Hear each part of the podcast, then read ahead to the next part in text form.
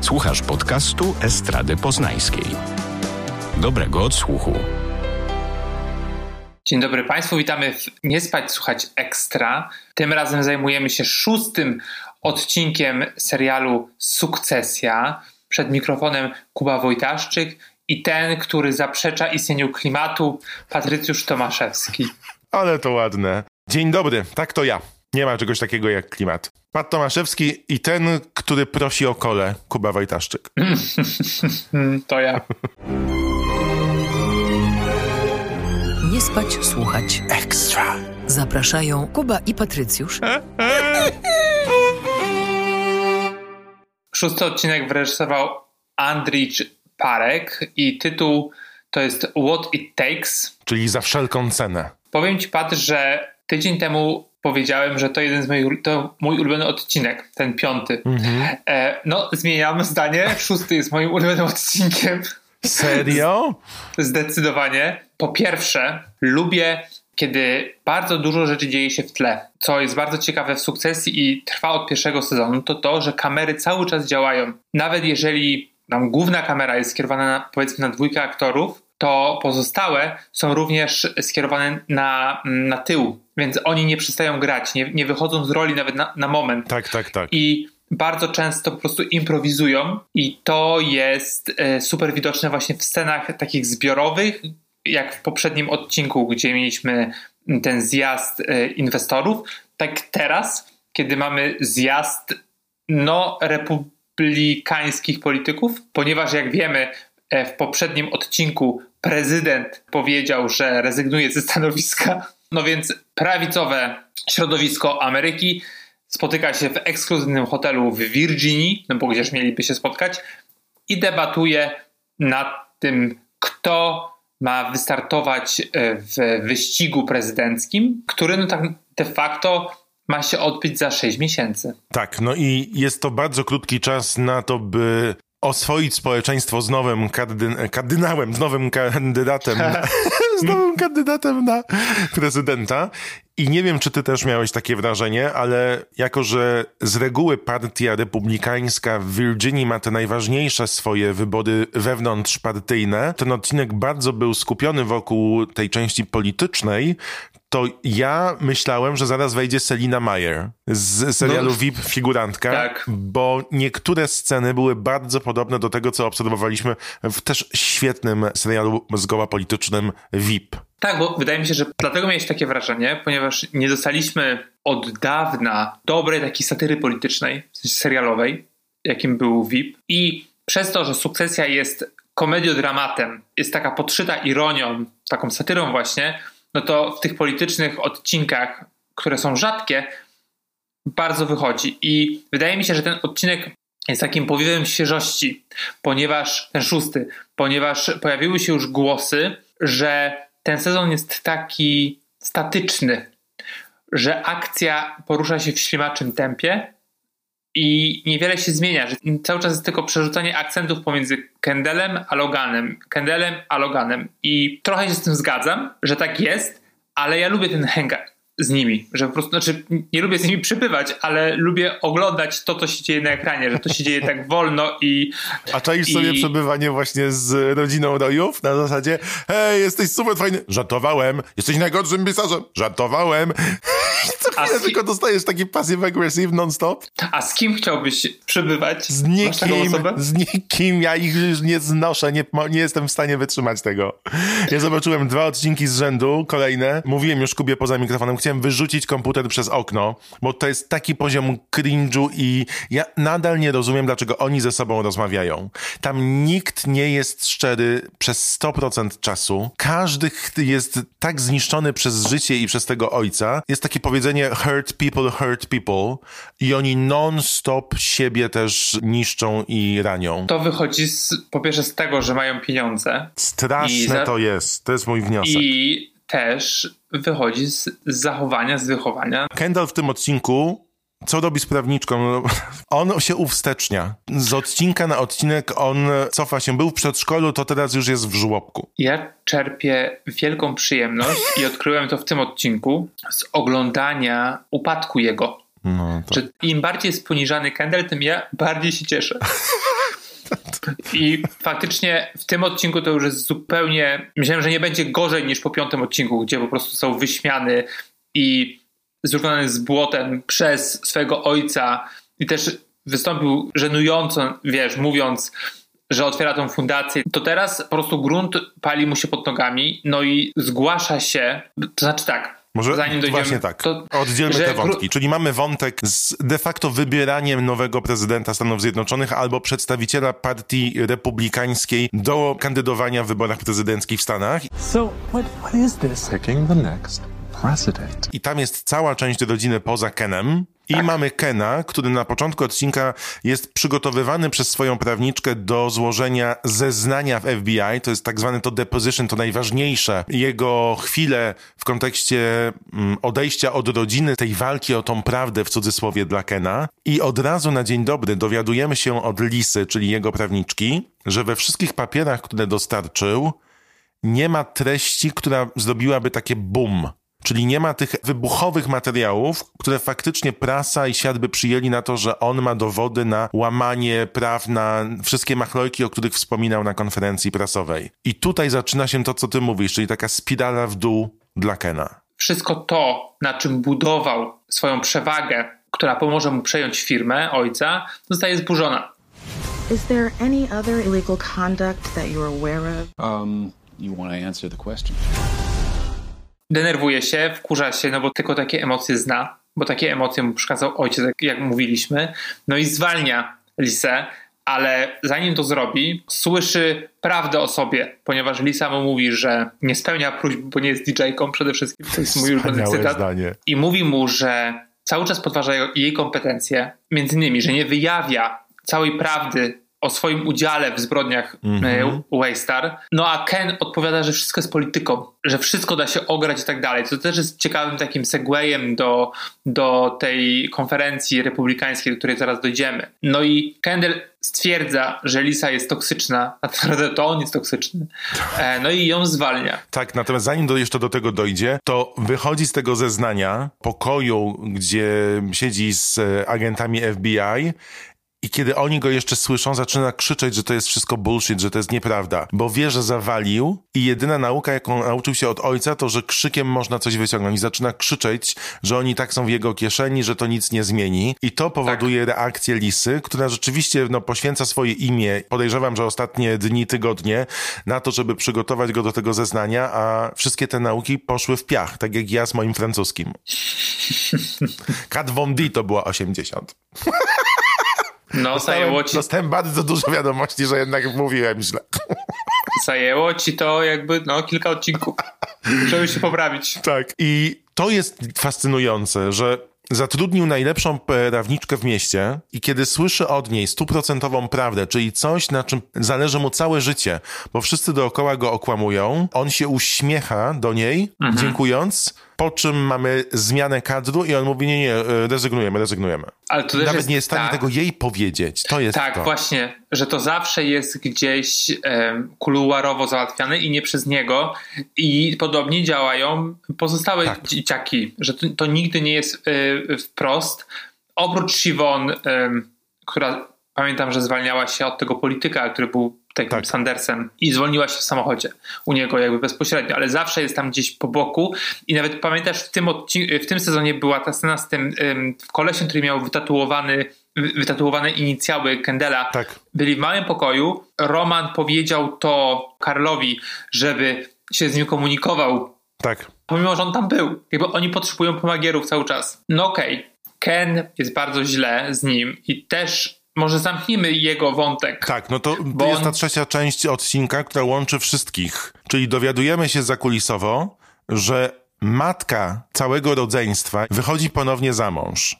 Ale I nikogo nie poinformowała. dokładnie nie dała znać, ani nie zaprosiła ani córki, ani synów i co więcej, nawet nie dała znać nikomu w towarzystwie. Osoby, które znają rojów, dostają zaproszenie, a oni nie wiedzą. No i jak to zwykle bywa w takiej grze, chorej grze, oczywiście zniszczonych przez życie i rodziców bogatych dzieciaków, oni wykorzystują to jako kartę przetargową, żeby jeszcze dodatkowo sobie dowalić. Tak, co jest ciekawe dla mnie, bo Siwon dzwoni e, razem z Romanem do Kena Tak.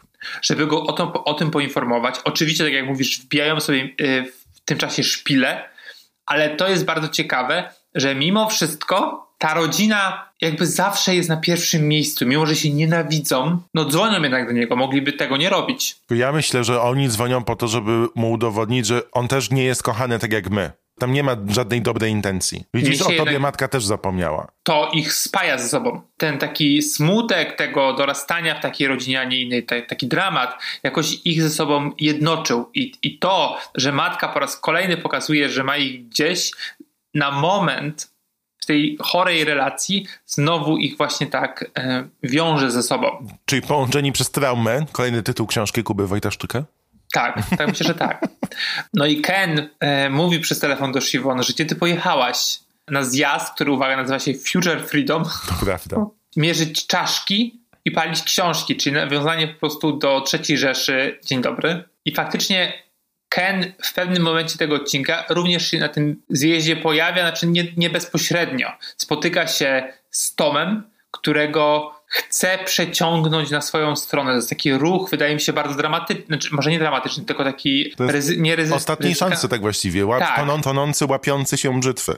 Tonący, łapiący to jest tytuł mojej książki następnej. Tak, bardzo ładnie, bardzo po polsku jest. Po prostu jego ruch jest taki brakuje mi Desperacki. Desperacki. Właśnie to jest to słowo, którego szukałem. Dziękuję bardzo. Desperate Housewife. Tak, to ja. I próbuje go przyciągnąć na swoją stronę. No i mówi mu, że czy ty myślisz, że Siwon będzie na ciebie czekać, jak wyjdziesz z więzienia? No ale jednak Tom cały czas się waha. Czy wydaje mi się, że on wybrał, ale nie chce jemu powiedzieć, jaka jest jego decyzja. I gdy w końcu to robi, to Ken zaczyna mu robić foty, żeby go móc szantażować. A Tom po prostu w tej swojej depresji, która po prostu w tym odcinku jest tak widoczna, że to jest przygniatające, mimo że Tom jest gnojkiem, takim samym jak, jak oni wszyscy, mówi do Kena, że wiesz co ty robisz, znaczy robisz mi te zdjęcia i po prostu jesteś debilem, a tam wybierają kolejnego prezydenta Stanów Zjednoczonych. Jakby pokazuje mu dokładnie, dokładnie jego miejsce, gdzieś tam po prostu w rynsztoku. Tak, ale jeszcze mówi do niego chyba najważniejszą rzecz, że zna już wiele lat Logana i wiele lat Kena, Tak. a ani razu jeszcze nie widział, żeby ktokolwiek zniszczył albo uszkodził pozycję Logana.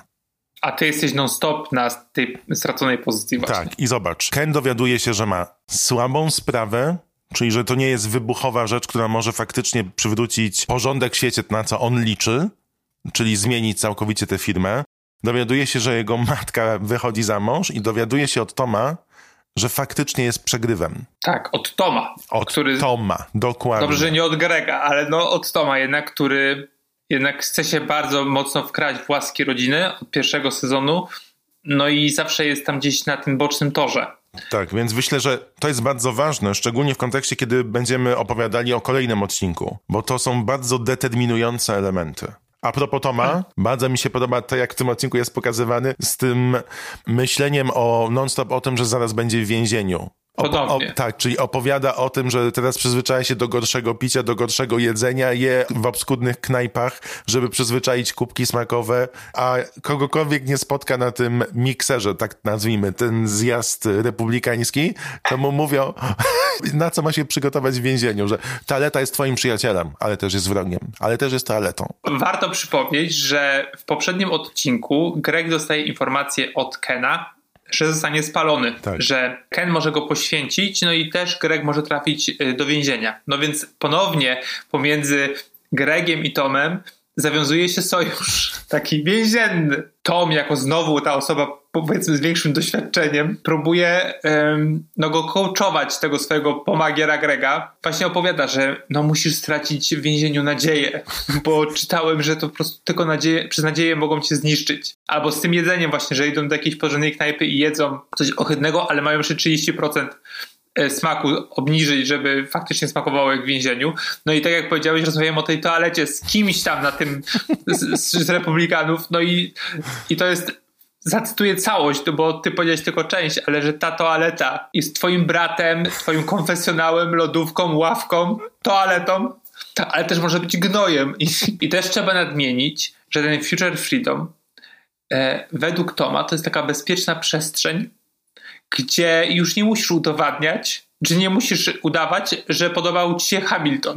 To jest też To idealne, idealne określenie. Bardzo się śmiałem. I faktycznie oni obaj razem są takim tym comic reliefem cały czas. Tak, ale Pomimo- też jest ładna scena, która wieńczy ten cały wątek w odcinku, czyli postanawiają w tym więzieniu sobie pomagać. Tak. To jest jakby kontynuacja tego, co się wydarzyło w poprzednim odcinku, gdzie to chyba był poprzedni odcinek, gdzie Tom powiedział, że, ben, że wykastruje cię i, i się z tobą ożenię. Tak, i ten romans y, kwitnie, ten bromans, przepraszam, bromans. Zresztą jest świetny film na YouTubie, Succession, but it's a romantic comedy i bardzo polecam, bo e, no prawie, że się Tak. podyczałem ze śmiechu. I tyczy się właśnie wątku Toma i Grega. No to teraz przejdźmy może do najważniejszej osi, czyli do wybierania następnego prezydenta. Nie wiem, czy też zauważyłeś to, ale w pierwszych minutach od razu, jak oni wchodzą na salę, jak na wielkie salony, jak kapitan von Trapp i Maria w dźwiękach muzyki na wielki bal kostiumowy. W tle widać od razu Justina Kirka i mówię sobie,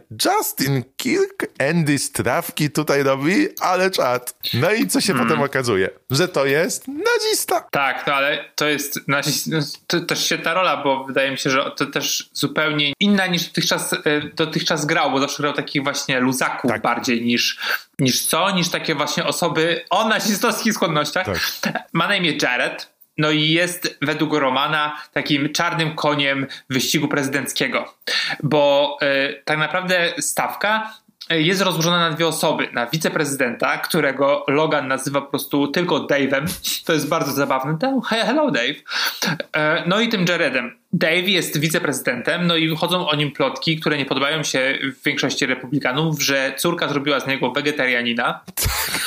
Że moczy I, usta. I że moczy usta językiem nawilża je z takiego tik nerwowy i faktycznie on się pojawia. To jest mega fajne i strasznie jednocześnie, bo Logan nagle jest po prostu panem tam. Wszyscy o niego zabiegają, a tak naprawdę zabiegają o jego telewizję, Tak. bo wiedzą, że jego media po prostu mogą wypromować, tak samo jak, zniszczy, jak zniszczyły poprzedniego prezydenta Rodzynka, tak samo mogą wypromować kolejnego. Rojowie mogą wybrać, kto No e, i będzie... zresztą to robią. Natomiast zwróć uwagę, ja nazwałem tę część odcinka Adoracja Logana. Bo to jest jak nisko upokorzysz się przed Loganem, żeby on naznaczył cię piętnem bycia prezydentem. I to jest niesamowite, jak największe decyzje podejmowane są w małych przestrzeniach.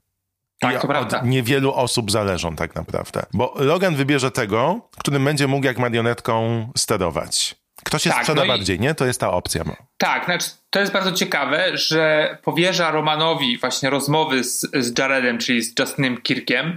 Nie wiem, czy ty to odebrałeś tak, bo oni są bardzo do siebie podobni. Tak. I, w, I w pewnym momencie nawet ten Jared mówi coś takiego, że ludzie lgną bardziej, czy wybierają taką osobę, która jest do ciebie podobna. Romanowi jest super blisko do tego kolesia.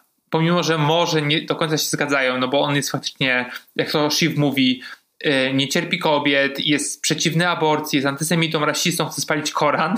Jest osobą niebezpieczną, że ona się przeciwstawia Jest temu nieobliczalny. Tak. A Romanowi e, się podoba, ponieważ on jest jakby jego drugą stroną monety. Że jest też taki ironiczny, taki rzutki. Mm, on, on nazywa to fan, że on jest box office.